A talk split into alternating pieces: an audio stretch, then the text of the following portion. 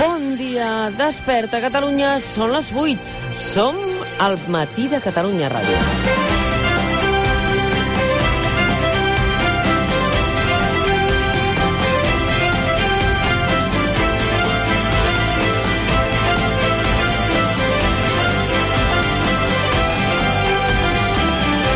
Quan arribi la campanya electoral, tots els partits independentistes hauran d'explicar-li a la ciutadania eh, quin és el projecte que tenen, però hores d'ara no sabem quantes sigles ni quantes formacions polítiques independentistes s'hi presentaran, perquè sembla que s'acosta el trencament definitiu a l'espai postconvergent. Carles Puigdemont no esperaria més la decisió del PDeCAT, s'apropa la creació d'un partit propi al voltant de la figura de l'expresident a l'exili, que té actius forts en l'imaginari col·lectiu de l'1 d'octubre. Són els exconsellers a la presó, són els exconsellers a l'exili. Josep Rull, Jordi Turull, Joaquim Forn, també l'exconseller de Cultura, Lluís Puig. Avui ho certifica el mateix Lluís Puig en una entrevista que ha concedit al diari El Punt Avui.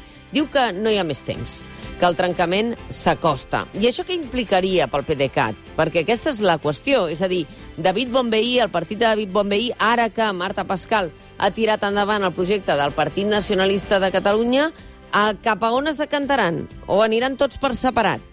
Si sumaran o es presenten per separat en dependrà molt la fragmentació del vot independentista i de la força i del projecte de la resta de formacions polítiques el que es pugui o no revalidar la majoria independentista al Parlament de Catalunya. I la clau és qui té quin projecte en aquest espai. Potser per aclarir això ens haurem d'esperar encara, perquè no s'acaba d'endevinar si les diferències són de fons o de quotes de poder.